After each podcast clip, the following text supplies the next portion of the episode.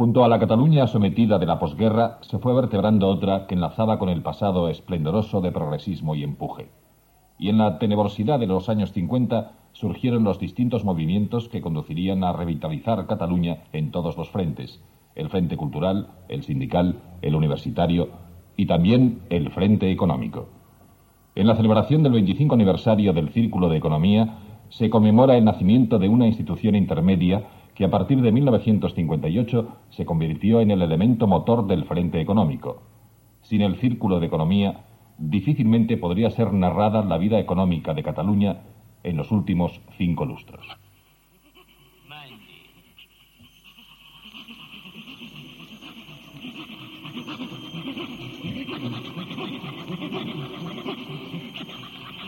Economía 5. Un programa sobre los acontecimientos económicos, la evolución de las relaciones sociales de la producción y la distribución en un intento de acercar a todo el mundo lo relacionado con el dinero.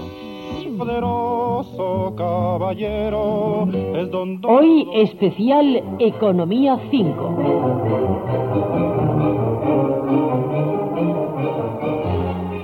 Los 25 años del Círculo de Economía.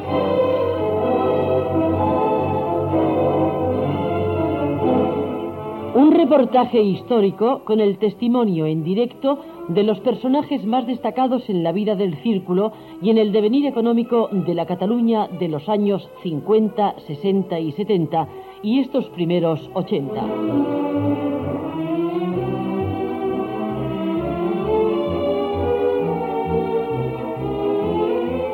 ...25 años a través de las palabras de sus fundadores y promotores... ...desde Josep Benet a Jordi Pujol pasando por Ferrer Salat, Fabià Estapé, Ernest Lluc, Fuentes Quintana.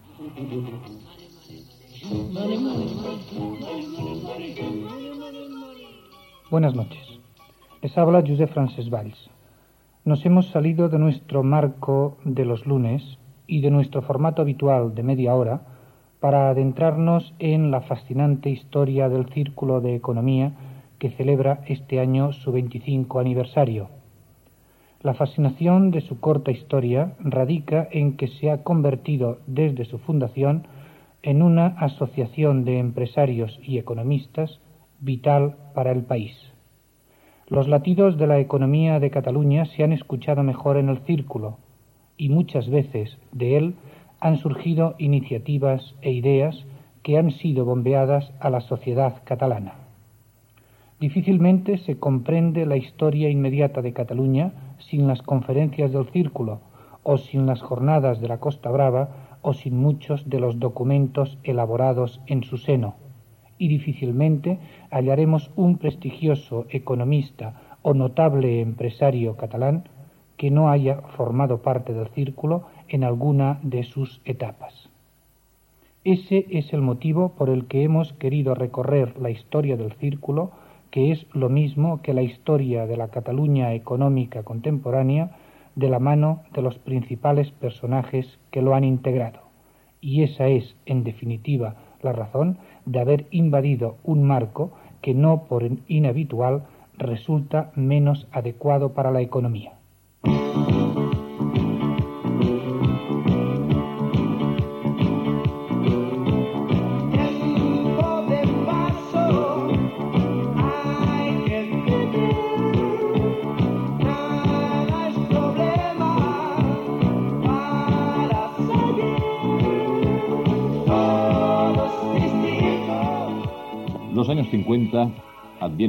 De forma dual.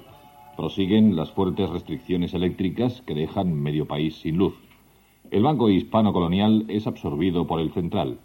Frente a esto, en la feria de 1950 se anuncia que la SEAT fabricará coches en Barcelona. Aparecen los primeros vehículos realizados aquí, el Pegaso y el Biscooter. Barcelona devuelve su rostro cosmopolita a raíz del Congreso Eucarístico.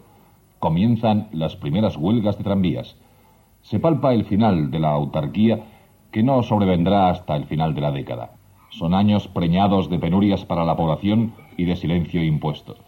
Pero también son años de reuniones que hay que tildar, según la terminología del momento, de clandestinas. Reuniones donde la intelectualidad, los obreros y el empresariado más consciente empieza a balbucear los trazos de una sociedad distinta. Josep Benet, hoy diputado al Parlamento de Cataluña, recuerda, entre la amalgama de citas y reuniones, cómo iba a emerger el círculo de economía en aquel ambiente de mitad de los 50. Que estos orígenes hay que situarlos en el clima de mediados de los años 50. Un clima que hoy es un poco difícil de comprender por las nuevas generaciones, porque es un clima en muchos aspectos, yo diría, insólito. Se está terminando ya lo que podríamos llamar la posguerra, la, entran en juego una serie de nuevas generaciones, el modelo um, económico de la autarquía, que han incluido la especulación, los tapelos, los cupos, etcétera, está agonizando ya, no puede mantenerse en una Europa que está viviendo otro modelo, hay que rectificarlo.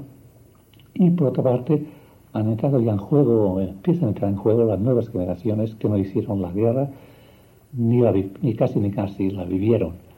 Tanto es un clima de tránsito y en el que se podía iniciar un nuevo camino. Algunos estaban muy preocupados por el inicio de este nuevo camino, porque si Cataluña continuaba viviendo en los mismos modelos en que se había vivido hasta entonces, por ejemplo en el campo económico, el desastre para la economía, pero para todo el pueblo catalán era evidente. Había que rectificar.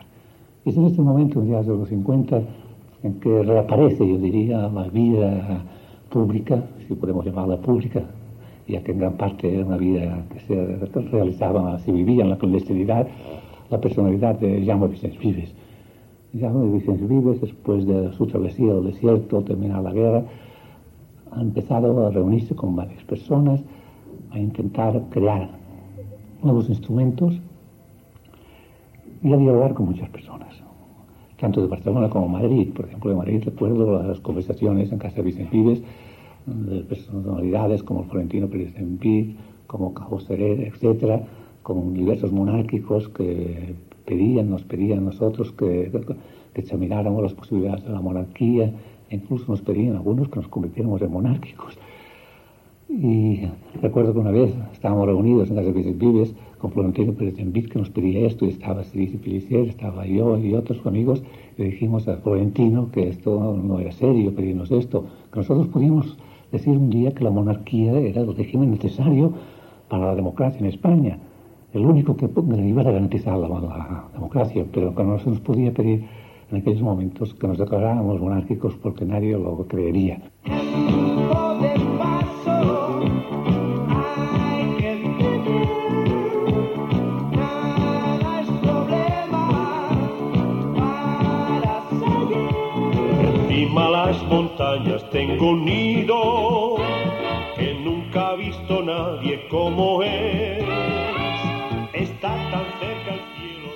Tres hechos enmarcan el nacimiento del Círculo de Economía en 1958. El Club Comodín de Ajedrez, la decisión de confeccionar una revista de economía y las múltiples reuniones en distintos domicilios. En medio de todo ello, un aglutinante, la figura de Vicens Vives. El gran historiador catalán conseguirá reunir a jóvenes empresarios y jóvenes economistas. Josep Banet, testigo excepcional. En este clima, en las conversaciones con Vicens Vives, se plantea la necesidad de actuar, de rehacer el país, de redresar el país. Esta palabra, esta palabra redres es una palabra clave en aquellos momentos. Tanto es así que Vicens Vives en el año 56 redacta un documento que quiere ser el inicio de un movimiento que quería llamar Alianza por el Redrés de Cataluña.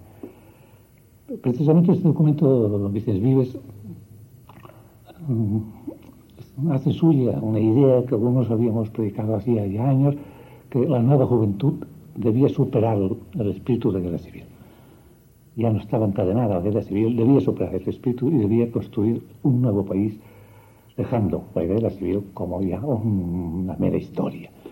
Pero además también decía que había que rehacer las estructuras del país y rehacerlas tanto en el mundo empresarial como en el mundo sindical.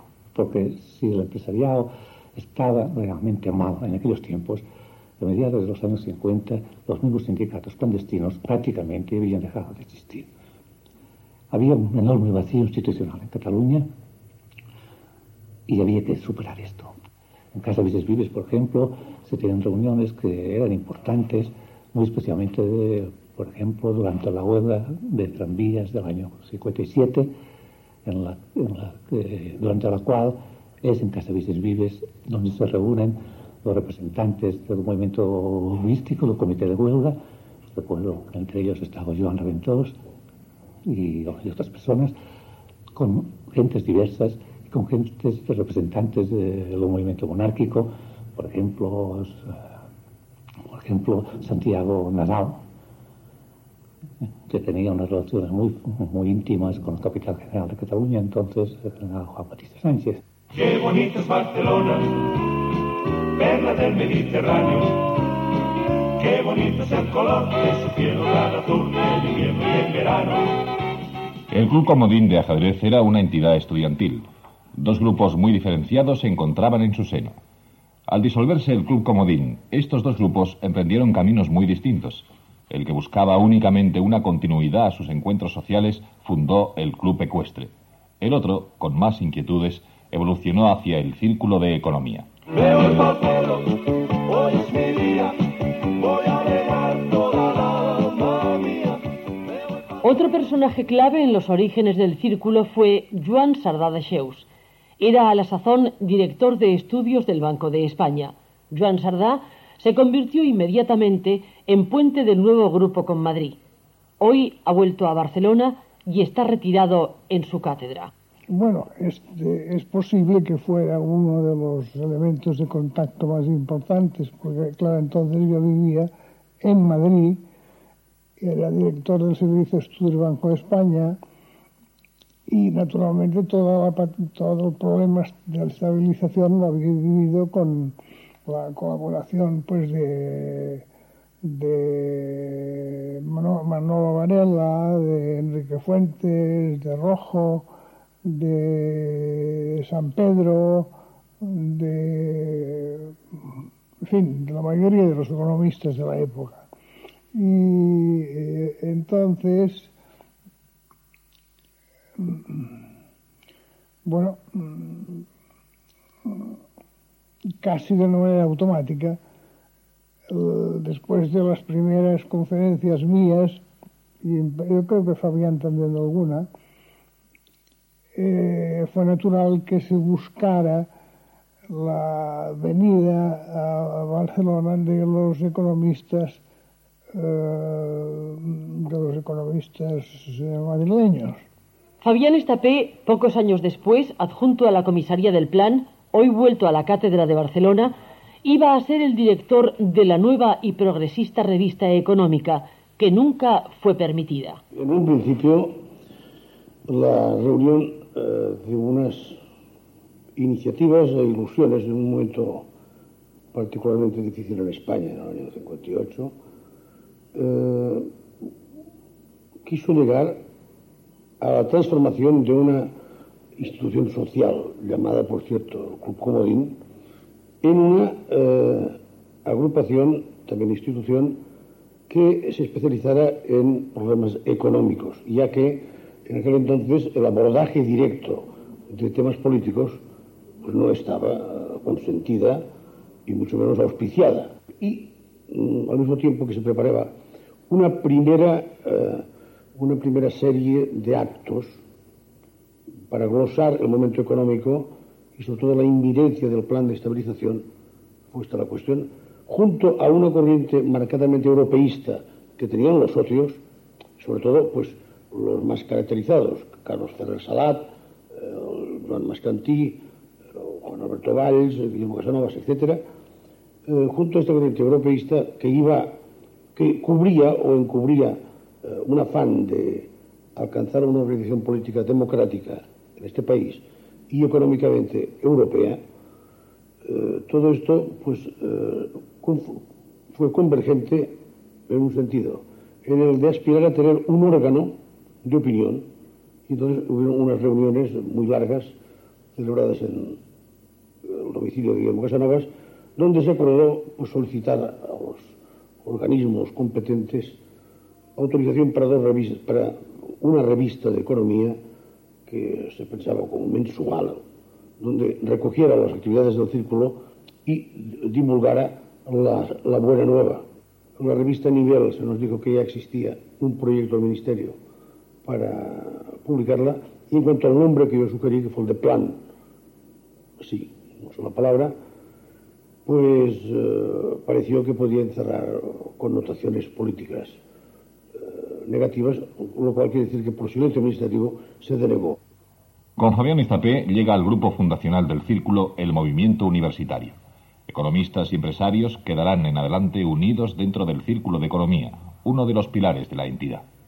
A lo largo de estos 25 años, si se, se lee la lista de los componentes de las sucesivas juntas de gobierno del círculo, veremos que esta amalgama ha existido, pero ha existido hasta el punto de que políticos actuales eh, del PSC, PSOE, pues han sido vocales de la Junta de, del, Círculo. Pues, hablaremos de Narciso Serra, de, de Serra, de Ernest Lluc, de Rafael Suñol, que recientemente acaba de ser nombrado presidente de la Academia Industrial, de orientación, los tres que digo, como otros, digamos, socialista. Pero quizá se puede esto matizar, yo ya lo aceptaría, digamos, de orientación socialdemócrata, lo que no sé si más a la izquierda eh, se podría llegar eh, en un clima de, de convivencia y tolerancia. Yo creo que sí. Uno de los primeros economistas en entrar en contacto con el círculo fue efectivamente Ernest Lluc, quien además se convirtió en el primer secretario de la entidad.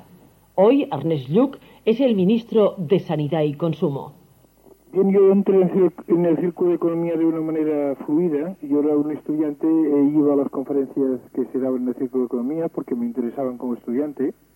Y poco a poco ahí me ofrecieron un trabajo, cobraba unas 3.000 pesetas al mes y trabajé ahí, no me acuerdo muy bien, pero unos 3, 4, 5 años. Esto era, yo diría, en la época que va del 58, 59 hasta el 63, 64, en esa época.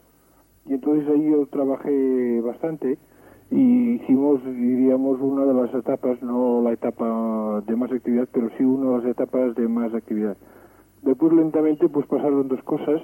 Una es que el hecho mismo de haber acabado la carrera y tener otras ocupaciones, pues me hizo ir separando, aunque siempre he continuado siendo socio. Y por otro lado, era evidente que la ideología que había en psicoeconomía, que fue una ideología de no colaboración con el franquismo, nunca, nunca los dirigentes del psicoeconomía tuvieron cargos dentro del franquismo, pero era evidente también que no era estrictamente mi ideología, como después con un régimen de más libertades se ha visto, ¿no? y por lo tanto fue una lenta separación, nunca total, eh, pero muy amables intenciones. ¿Tienen los economistas un papel dentro del círculo juntamente con los empresarios? Bien, a mi entender hay tres personas dentro del mundo intelectual que influyen mucho en el círculo de economía. Una no es economista, uno fue un historiador de la economía que se llama Jaime Vicens Vives, que yo creo que fue un hombre muy fundamental y que creo que fue el originador, en cierta manera, de una parte de las inquietudes del núcleo inicial del Círculo de Economía. Hubo un segundo que fue Fabián Estapé, que durante toda una larga etapa, pues durante muchos años, ha hecho una conferencia anual y al mismo tiempo, en cierta manera, ha sido pues un hombre que fue esencial para consolidar este grupo. Y un tercer hombre menos ligado posiblemente a nivel cotidiano, a nivel de coordinación, pero que en cierta manera sí que ha hecho una cierta información de orden más general, ha sido Juan Sarra de Xeus, que fue director del Servicio de Estudios del Banco de España, y creo que son estos tres. A partir de estos tres es evidente que ha habido un núcleo muy amplio de economistas que han colaborado o bien que han asistido y han aprendido, ¿no? el actual ministro de Defensa, por ejemplo, Narcís Serra tuvo un cargo importante, que ahora yo recuerdo, pero ahora no se me ocurre ningún economista catalán, ni ningún economista del resto de España importante que no haya ido al círculo de economía y que de una u otra manera no haya tenido contactos. Por lo tanto, no es solamente un grupo de ejecutivos, de empresarios, sino que también ha sido un grupo muy interesante para los economistas.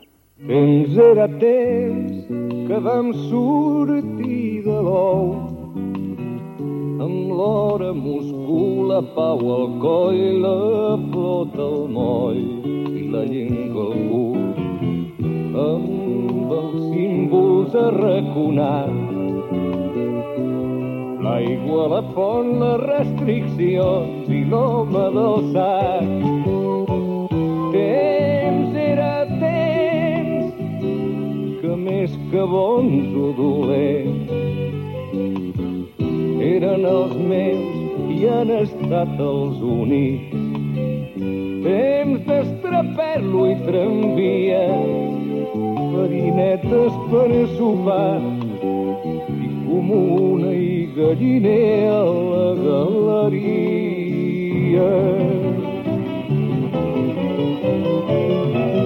Temps d'una grande i libre, Metro Golding Mayer, lo toma o lo deja, Goma si la bajes, Quintero, León y Panallón. Así comienza el Círculo de Economía. La nueva entidad permite que jóvenes empresarios formados en centros como el Químico de Sarriá o los jesuitas de San Ignacio entren en contacto con la realidad. El círculo inicia una serie de actividades caracterizadas por su permisividad en unos tiempos en los que cualquier asociación era prohibida o perseguida. El peso social de algunos de los miembros del naciente círculo y el propio concepto de tratar hechos económicos hacen que las actividades del círculo de economía constituyan una isla de libertad. Eso no significa que no se tuvieran que realizar todo tipo de artimañas en algunas actividades para soslayar el imperio de la ley. Una de las primeras conferencias importantes del círculo fue la ofrecida por Joan Sardá. En aquella conferencia explicó el plan de estabilización seis meses antes de que fuera publicado. El turista 1.999.1999, cuando llegó, se lamentó por bajar tan deprisa del avión con su mini pantalón. Se ha perdido la ocasión de tener las atenciones que por... En 1961 se celebra la primera reunión de la Costa Brava. Marcó un hito en la historia de la Cataluña de principios de los años 60. Empresarios, universitarios y representantes de la administración pública no vinculada al poder político se reúnen en un clima de libertad poco usual en la época. Cataluña, por otra parte, cobra importancia en los círculos madrileños a raíz de esta reunión, hasta el punto de que se dedica a Cataluña un número monográfico de la revista Información Comercial Española. Enrique Fuentes Quintana fue uno de los representantes de la Administración Central que asistió a la primera reunión de la Costa Brava, hoy vuelto también a su cátedra. Yo creo que en conjunto ha sido una experiencia muy positiva que no puede entenderse sin recurrir a su punto de partida, que es el Plan de Estabilización Económica de 1959. Aquel plan en el que tomaron parte activa economistas catalanes ilustres, el profesor Joan Sardá, eh, Fabián Estapé, conjuntamente con otros economistas de Madrid, como el profesor eh, Barrera Parache o, yo mismo, pues eh, formamos entonces lo que podríamos llamar una, una base de, de, tecnográfica dentro eh, de la situación económica general para tratar de liberalizar la economía española en el aspecto económico, base indispensable para su liberalización política. Y naturalmente esa operación necesitaba contar con el contacto directo de un conjunto de empresarios jóvenes capaces de sustituir a la vieja jornada empresarial y de competir con los aires nuevos que venían del mundo y de Europa. Eh, el círculo eh, representó justamente esto, era una generación de empresarios jóvenes, tan jóvenes que no eran todavía empresarios porque estaban en las empresas, en la mayor parte de los casos, paternas eh, o familiares, en las que todavía no habían recibido puestos de responsabilidad y que habían transformado pues un círculo de bridge como era el, el comodín antiguo en un círculo de economía, esto significaba alguna inquietud y el deseo de abrir eh, las puertas a, la competencia y en definitiva a los aires nuevos que venían de Europa era lo que podríamos llamar el ambiente común de eh, los economistas de la administración, que estábamos en la administración, que muchos de ellos, reitero, eran catalanes, y los economistas empresarios eh, de Barcelona. El Círculo de Economía representó un escenario ideal para que se diese esa confluencia de estos dos grupos coincidentes en su sentido de, apertura política y democrática eh, del país y ir viendo cómo se puede ir afianzando una economía con esas características. Yo creo que nada de lo que ha ocurrido después en España puede entenderse bien en materia económica sin la doctrina que se fue formando en las distintas reuniones Costa Brava y el intercambio de impresiones entre economistas, eh, empresarios y toda la sociedad que rodeaba a estos, tanto en Madrid como en Barcelona.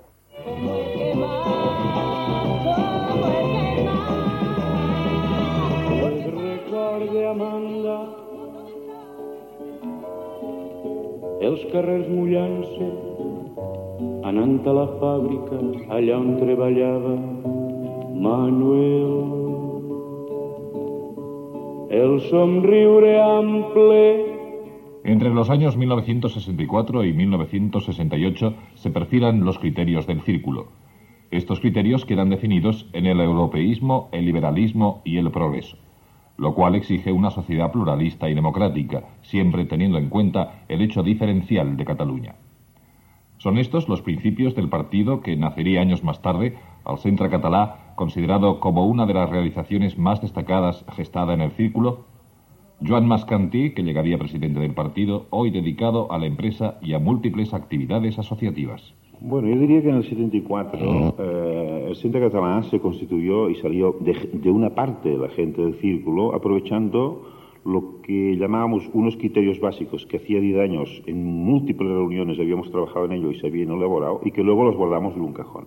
Ahora, eh, a mí me gustaría hacer constar que, este, mm, que esta idea de Centro Catalán que fue un partido de centro, pensando que ya había dentro de los componentes de la entidad gente que estaba agrupada en un partido socialista, otros que estaban agrupados en el partido nacionalista y evidentemente otros que se agruparían en el partido de derechas que, tuviera que salir, lo que faltaba era la idea de centro, de un partido auténticamente centro, que era un poco la síntesis de lo que en definitiva pensábamos muchos que estábamos del círculo de la labor de muchos años.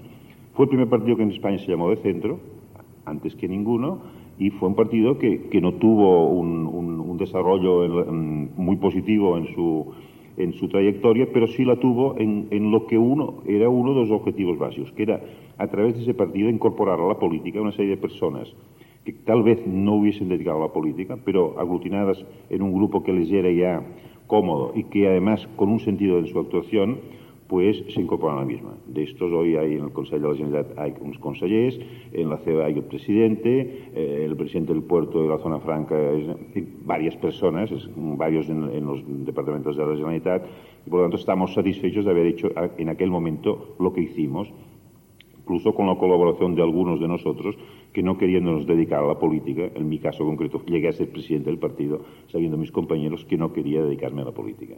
Esto creo que es un ejemplo de lo que el círculo ha hecho. Fuimos enormemente respetuosos con la independencia del círculo. Y eso es tanto así que en la propia Junta del Círculo, algunos de nosotros impulsamos de que hubiera una declaración del círculo, que en ningún caso el círculo se vinculaba a ningún partido político. La junta que presidía, tengo la satisfacción de decir que estaba un Jordi Pujol, el presidente de la Generalitat, estaba un Carlos Ferrero, el presidente de la CD, estaba un Narciso Serra, hoy exalcalde y hoy ministro de Defensa, junto con otras personalidades como Pedro Durán, como Carlos Güell, como Andrés Gisper, como Vicente Ollero y consejero. El círculo vive una etapa floreciente con el comienzo de la década de los 70. Los debates, las conferencias, se suceden en un momento de ebullición política y social. Confluyen y se organizan las fuerzas políticas y sindicales. Se relanza el movimiento cultural con el funcionamiento de nuevas editoriales catalanas. Cataluña mira hacia Europa y se prepara para el posfranquismo. En esta línea, Pere Durán Farrell utiliza la tribuna del círculo para confesar que él, en la maquinista, negociaba directamente los convenios con comisiones obreras ante la ineficacia del sindicato vertical. Esta confesión le cuesta alguna represalia al industrial catalán. Poco antes, el presidente del círculo de entonces, Carles Güell, acusa de aletargamiento al empresariado de nuestro país. Afirma Güell de Semmenat que hay que romper los condicionantes paternalistas del Estado. De todas las historias de la historia, la más triste sin duda la de España, porque termina mal como si el hombre harto ya la Declaración Europeísta de las Trece Entidades Económicas Catalanas, firmada en 1972, se cuece en el círculo. Viene a reafirmar, esta vez de manera contundente, que formamos parte de Europa y hacia ella hay que tender cuanto antes. Pocos meses antes de la muerte del dictador, la quinta reunión de la Costa Brava congrega una lista amplísima de ponentes. Son personajes que con la democracia pasarían a ocupar puestos clave en la política o en la gestión empresarial, tanto pública como privada. Algunos de estos nombres son Calvo Sotelo, Narcís Serra, Carlas Güell, González Seara, Fuentes Quintana, Fernández Ordóñez, Trías Fargas, Jordi Pujol, Carles Ferrer, Miguel Boyer. Tres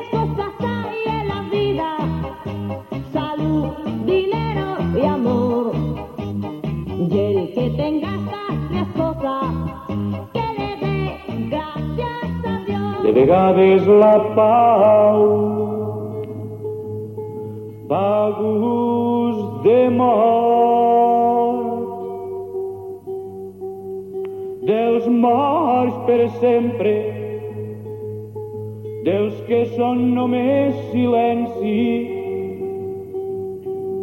De vegades la pau Los últimos años vienen caracterizados en Cataluña por el protagonismo de los partidos políticos, las centrales sindicales, las nuevas asociaciones patronales y, sobre todo, por las instituciones de autogobierno. Del círculo han salido gran parte de los nuevos dirigentes de la economía y la política del país. Y tras haber servido durante estos 25 años de lugar de encuentro y reflexión para la nueva clase dirigente actual, el círculo se está acomodando a su nuevo cometido dentro de la sociedad democrática catalana. Jordi Pujol estuvo entre los fundadores en la primera época y en realidad nunca se alejó del círculo. El actual presidente de la Generalitat de Cataluña analiza de esta manera la indispensabilidad de este tipo de instituciones en la Cataluña democrática y autonómica. Bien, no, yo creo que su cometido actual viene muy marcado precisamente por su eh, por lo que fueron sus orígenes, ¿no? En aquel momento, y permítame que, aunque sea muy brevemente, quizás porque llevado por el recuerdo, ¿no? Pues que retroceda a aquella, aquella época. En aquel momento, a finales de los 50 y principios de los 60, eh, Cataluña estaba saliendo, surgiendo finalmente, después de muchos años, de una etapa que había sido una etapa sin horizonte, y en cambio, en aquel momento, el Círculo de Economía introdujo unos conceptos y unas actitudes de modernidad, de diálogo, de pluralismo nuevos y muy, muy fértiles. Introdujo una visión más catalana de la economía, menos oficial y más, más del país. E incluso introdujo todo esto eh, en Madrid. Quiero decir que fue un buen puente para trasladar algunas de estas preocupaciones, algunas de estas visiones, algunos de estos proyectos catalanes a Madrid. Bien, pienso que hoy eh, en fin, lo que hay que hacer es recoger precisamente aquella misma filosofía, por supuesto que eh, actualizándola. En todo caso, el círculo hoy tiene que ser también un, un dinamizador de nuestra sociedad y justamente nuestra sociedad está en un momento de gran transformación, la nuestra y todas las sociedades occidentales están en un momento de una transformación profunda y se enfrentan con un gran desafío, un gran desafío cultural, un gran desafío evidentemente económico, un gran desafío social. Y ante esta, este hecho, las rutinas, la simple gestión o incluso la política estricta no son suficientes. Tiene que haber una aportación de, de carácter intelectual, de reflexión. Necesitamos ideas y necesitamos alguien que estas ideas pues ayude a agitarlas, por así decirlo, a desarrollarlas, a propulsarlas desde una posición muy independiente el círculo fue independiente, conviene que lo siga siendo, porque solo así tendrá, digamos, la fertilidad intelectual, que es lo que ahora necesitamos en un grado muy elevado. O sea que pienso que en estos momentos el círculo tiene que ser fiel a aquel su primer planteamiento de modernidad, de diálogo, de pluralismo, de independencia, de discusión sistemática y evidentemente de visión catalana de la economía. Yo siempre sostengo que la fuerza de Cataluña radica precisamente en, la, en el hecho, en la riqueza que afortunadamente tenemos de instituciones de este tipo. Es decir, es un país ese en el cual fallan cosas, sobre todo a nivel de cúspide, y eso es, un grave defecto, pero en que, en cambio, lo que podemos las iniciativas que salen de la base, de tipo cultural, de tipo económico, de tipo social, de tipo intelectual, pues son muy numerosas y generalmente dotadas de gran, muy a menudo dotadas, dotadas de gran vitalidad. El círculo ha sido una de esas entidades intermedias y lo fue incluso en épocas difíciles y por lo tanto ahora esas entidades y por supuesto el círculo son la, lo que nos, la mayor esperanza que Cataluña como colectividad tiene, su vitalidad, su creatividad, su capacidad de iniciativa.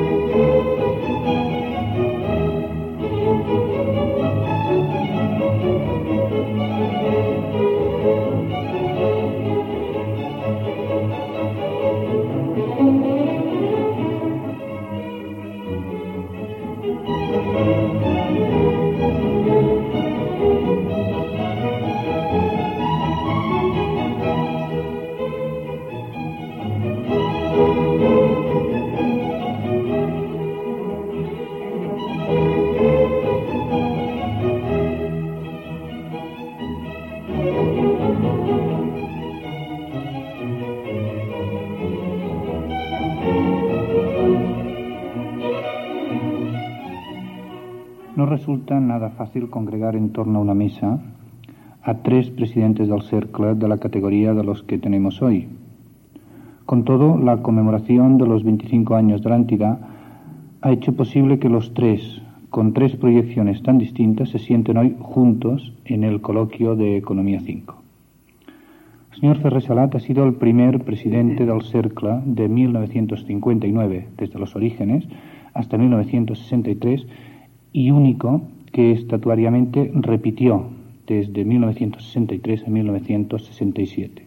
Actualmente, no hay que decirlo, es presidente de la patronal española.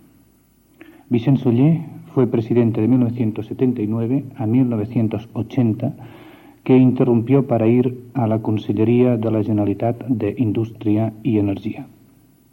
Juan Antonio Delgado es presidente en la actualidad desde 1980 y su candidatura fue apoyada por todas las fuerzas que congregan al CERCLA y permanecerá hasta finales de este año. Es director general de CROSS. Tres proyecciones bien distintas y los tres partieron del CERCLA. Uno para crear una estructura sólida de la patronal española, otro para incorporarse a la Generalitat democráticamente elegida y el último permaneciendo en la empresa privada. Señor Ferresarat, ¿Es posible que todo esto sea cobijado dentro del cercle, estas tres proyecciones? Pues sin duda alguna creo que sí. Creo que estas y también otras. Eh, esas concretamente sin, me parece que es evidente porque, bueno, en el caso que a mí me concierne, eh, pues hay empresarios en el círculo de economía, lo ha habido desde el principio, ha habido dirigentes empresariales y por otra parte, la participación en el círculo de economía eh, representa una manifestación de inquietud y de interés por los temas colectivos y por los temas públicos, sobre todo, como dice su nombre, en temas económicos y sociales. Luego es, eh, lógico, hasta cierto punto, que conjuntando esa inquietud eh, por los temas públicos, conjuntando el que también hay allí empresarios, y que siempre ha mantenido el Círculo de Economía una actitud y una posición eh, netamente democrática, eh, incluyendo las circunstancias en el régimen anterior, en el momento mm, ya en la democracia de formarse las organizaciones empresariales, pues es lógico pues que mm, alguno de ahí pues surgiera con alguna responsabilidad en las organizaciones empresariales. Señor Vicente. Bien, a mí me parece también, también clara y el hecho de que estemos aquí reunidos mm, es una, una demostración no, no, menos importante que, otras. Pero en cualquier caso, en cualquier caso el, el, círculo siempre ha representado algo que, parangonando lo que está sucediendo hoy en día, diríamos que es eh, la preocupación por España, la preocupación por España desde una Cataluña fuerte. A partir de aquí, bien, la vocación del círculo por una Cataluña fuerte está clara. Y la vocación, esta vocación del círculo se demuestra, por ejemplo, en, trabajos en trabajos muy profundos y muy enriquecedores y muy de conjunto, como eran, por ejemplo, eh, todo lo que hicimos en relación al área metropolitana de, Barcelona, que, encontró su síntesis en un libro, Gestión y Caos, se encuentra en este carácter europeísta de, Cataluña, que, en fin, que en el caso del círculo no puede entenderse el mismo círculo sin este europeísmo coadyuvante, y se entiende, por supuesto, en la por, por, por, el hecho de que eh, el círculo es básicamente preocupación por la economía y, por supuesto, preocupación por la industria. Por tanto, el hecho de que en estos momentos esté en la Consellería de Industria y Energía de la Generalitat me parece que liga claramente con el europeísmo del círculo, con el catalanismo del círculo y con la preocupación por la industria de Cataluña del círculo. Juan Antonio Delgado, empresa privada y Cercla. Creo que la participación de la empresa privada, del empresario en el círculo, es consustancial al mismo. Creo que sería imposible o impensable concebir el círculo de economía sin la presencia de los empresarios, no solo en su calidad de socios, sino en las juntas directivas. No tengo datos en estos momentos a la vista para hacer esta afirmación con carácter rotundo o estadístico, pero creo que habitualmente en las, círculos, en las juntas de círculo de economía un 50% al menos de sus miembros han sido empresarios. Empresarios inquietos por la actividad económica, empresarios deseosos de entrar en contacto con los universitarios, con los profesionales de la economía para intercambiar opiniones y empresarios que, lógicamente, por esta inquietud por la cosa pública, en algunas ocasiones han surgido o se han lanzado hacia otras vías, como es el caso de Carlos Ferrer o de Vicente Ollé en este momento concreto. Estos empresarios del círculo propugnamos, se han citado algunas de estas iniciativas, propugnamos siempre iniciativas nuevas y la más reciente fue nuestro apoyo eh, total y rotundo a la posible candidatura de Barcelona como ciudad olímpica. Han sido tres etapas bien distintas las épocas que los tres presidentes han estado al frente del cercle. Señor Ferresalat, las dos presidencias suyas al inicio, ¿cómo las valoraría hoy? Fue una ruptura con un ambiente que había en aquel momento, fue una manifestación de una juventud inquieta que deseaba tomar conciencia de la situación y plantear sus propios deseos y esto representa, de hecho, uh, una defensa uh, de la democracia ya sobre el año 58-59, uh, en un régimen que sabemos que era muy distinto, y representó una apuesta y un esfuerzo enorme por hacer una España y una Cataluña más progresista y más liberal. Precisamente un tema muy significativo de ese espíritu, aún en aquellas circunstancias, eh, es que en 1959, ya en el mes de enero, el señor Juan Sardá, que era el jefe del Servicio de Estudios del Banco de España, eh, fue el primer lugar en España en donde manifestó el cambio absoluto de la economía española, de la política económica española, que necesariamente tenía que tener lugar en España. Fue y defendió en aquellos momentos totalmente el círculo de economía. Democracia, eh, liberalismo y un tercer punto, que era el punto de referencia que se podía hacer en aquel momento, es defensa del modelo de sociedad de la Europa occidental. Frente a esta etapa 1959-67 que preside Ferresalat, eh, viene posteriormente otra 1979-1980 en la que está al frente Vicente Soller. ¿Cómo valoraría esta presidencia? Bueno, yo diría que eh, tuvimos la suerte, la, la, Junta de la que yo formé parte como presidente, tuvimos la suerte de que esta fue una etapa mmm, fácil, fue una etapa fácil para el círculo, porque, eh, porque la verdad es que probablemente debido a lo que acaba de explicar Carlos Ferrer en el sentido de cuál era el espíritu del círculo y cuáles eran eh, sus objetivos, pues en mi etapa, en la etapa del 79-80, existía una, una, verdadera ilusión, un verdadero interés por parte de todos los grupos de intereses por eh, acudir a la tribuna que nosotros les proporcionábamos y exponer sus puntos de vista, sus criterios. Estoy pensando en este momento en, en nombres del, del, gobierno, como José Luis Leal, Añaveros, Lamo Espinosa. Estoy pensando en la reunión Costa Brava a la que acudieron los, las centrales sindicales y las patronales de, Cataluña y Española. Y, todos ellos con el espíritu de aportar aquello que mejor podían dar de sí mismos de alguna manera, si la etapa anterior a mi presidencia, la etapa anterior al 79, había sido de creación de partidos y de creación de centrales y de creación de patronales y por tanto, y por tanto, eh, de alguna manera eh, de una cierta cerrazón en el sentido de que cada uno se encerraba en sí mismo para hacerse más fuerte, en nuestra etapa esta, esta fortaleza que habían conseguido cada uno de estos grupos quería explicarse. Por ello, no ha de extrañar que, bien, fuese una, una, se, se caracterizase esta, esta etapa por ser particularmente fértil en lo que hace referencia a manifestaciones de todas clases y a presencia de personalidades de la vida española y catalana en nuestra entidad. Juan Antonio Delgado toma la antorcha de la presidencia de Soller. ¿Fue fácil esta última iniciativa o esta última etapa? ¿Ha sido fácil esta última? Yo creo que desde la óptica del círculo y desde la gran consolidación e integración en la sociedad catalana y española, no puede hablarse de etapas difíciles, es decir, el ambiente está a favor del círculo y entonces el círculo puede decir que navega un poco solo, es cuestión de eh, dirigirlo levemente. Mi preocupación principal fue, yo no había sido uno de sus miembros fundadores, desgraciadamente, encontrar una posición nueva en un nuevo ambiente social y político, que no rompiera con los orígenes, es decir, lo que se ha venido a llamar un continuismo sin ruptura. En esta fase hemos continuado eh, respetando los principios fundamentales del círculo, es decir, que sea en primer lugar un lugar de encuentro entre empresarios, economistas, políticos, etcétera, para tener un diálogo un poco alejado de la crispación que las instituciones políticas e incluso patronales o sindicales pueden ofrecer desde su óptica interna.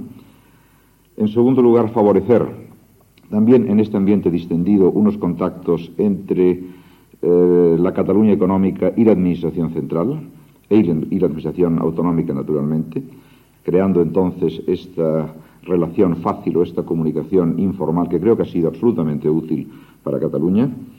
Y, eh, por último, nos enfrentamos quizás en mi etapa con un fenómeno nuevo, el fenómeno de la España de las autonomías, el fenómeno autonómico, que intentamos consolidar que intentamos incrementar el respeto máximo a las instituciones, cualesquiera que sean las personas o, partidos políticos que estén al frente de las mismas, porque creemos que el respeto es fundamental en toda democracia.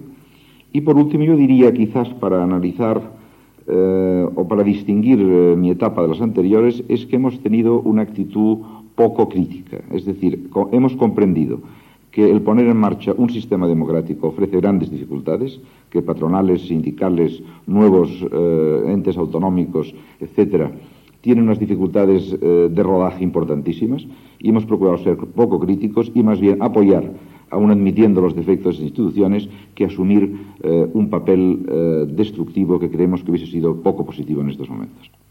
En la busca de la nueva concepción del círculo, qué similitudes existen entre el círculo actual y un posible club o las antiguas asociaciones de amigos del país o el FUMEN o simplemente siendo o considerándose un lugar de reunión para profesionales y economistas. Quizás el círculo tenga un poco de todo ello. Podíamos quizás excluir el colegio profesional, evidentemente no lo es, puesto que hay profesiones muy distintas integradas en los mismos. Tampoco es una patronal, evidentemente. Este es un hueco importantísimo que cubren otras instituciones en estos momentos, aunque, como les decía, hay muchos empresarios que están eh, como miembros de la Junta y como socios del círculo. Yo diría que el círculo en estos momentos tiene que incluirse entre lo que se han venido llamando en Europa asociaciones intermedias, es decir, aquellas clubes de opiniones, han llamado a veces los franceses, en que personas de orígenes distintas, aunque respetuosos con algunos principios básicos fundamentales, democracia, economía de libre mercado, etc., se agrupan respetándose recíprocamente y que constituyen un tejido, constituyen la malla sobre la cual se sustenta la sociedad. Señor Vicente Soller, su concepción del círculo de economía. Un centro, en definitiva, caracterizado por un pactismo. Esto es Cataluña y, y, esto es el círculo y el círculo de alguna manera pues, pues pues representa esta imagen que ha definido Juan Antonio y a la cual yo me sumo. Bueno, que ese círculo yo creo que no se puede añadir nada más a lo que ha dicho Juan Antonio y ha completado Vicente ayer. Sí, insistir en la necesidad, en mi opinión, eh, fundamental de que en toda sociedad mm, democrática eh, existan y se multipliquen estas instituciones intermedias. Es decir, no todo tiene que ser entre los partidos políticos y el pueblo que vota el día de las elecciones creo que es precisamente lo que da consistencia a una sociedad democrática, es la multiplicidad de estas instituciones intermedias eh, que permite manifestar la opinión de los ciudadanos, permite mantener este lugar de unión a múltiples niveles, de formación, eh, y eso es el pulso auténtico de eh, esta sociedad. Vamos a acabar este coloquio que hemos conducido conjuntamente con el señor Juan Antonio Delgado, presidente actual del Cercle de Economía, Vicente Soller y Carlos Ferrer Salat, presidentes también, con una pregunta a los tres en estos dos últimos minutos. ¿Qué le debe la Cataluña progresista al Cercle de Economía? Puede empezar usted, señor Ferrer Salat. Gracias. Creo que ha hecho una aportación uh, considerable a Cataluña, a la Cataluña progresista. Uh, desde el año 58, y hay que situarse el año 58, que en estos momentos no es nada fácil, pero en un mundo absolutamente distinto y en un régimen completamente distinto, creo que fue un uh, pilar sólido en defensa de esta democracia. En defensa de la democracia, en defensa de una sociedad más liberal, en, en, defensa de una sociedad también muy sensible a los temas sociales. Bien, como presidente actual de la entidad, yo creo que puedo ser el que con más inmodestia pueda afirmar que, el, que Cataluña, que la Cataluña progresista le debe mucho al círculo de economía, le debe unas ideas, le debe muchos hombres en estos momentos ocupando eh, cargos fundamentales en el sistema democrático y espero que en el futuro eh, Cataluña le deba al Círculo de Economía una visión amplia, una visión generosa de las autonomías, concebidas no como una restricción, sino concebidas como unos elementos potenciadores de la realidad económica española. Esta sería mi ambición de futuro cuando se pasase revisión a los años modernos del Círculo. Me corresponde ahora a mí eh, contestar a, a esta pregunta. Por supuesto, sin aceptando como propio la la las respuestas de Carlos Ferrer y de Juan Antonio Delgado, decir algo, mm, algo más. Eh, concretamente, eh, nos preguntaba Francesc Vall, ¿qué le debe Cataluña al círculo? Bueno, esto quizás es un poco presuntuoso. Decirle que básicamente lo que, lo que nosotros hemos aportado, me parece, es este espíritu, eh, es un espíritu empresarial moderno es un espíritu empresarial pragmático, es un, es un espíritu empresarial que liga, que, enlaza eh, de una manera consustancial con todo lo que es la Europa occidental. El deseo de constituir una sociedad económicamente fuerte y socialmente avanzada dentro de un marco de democracia formal.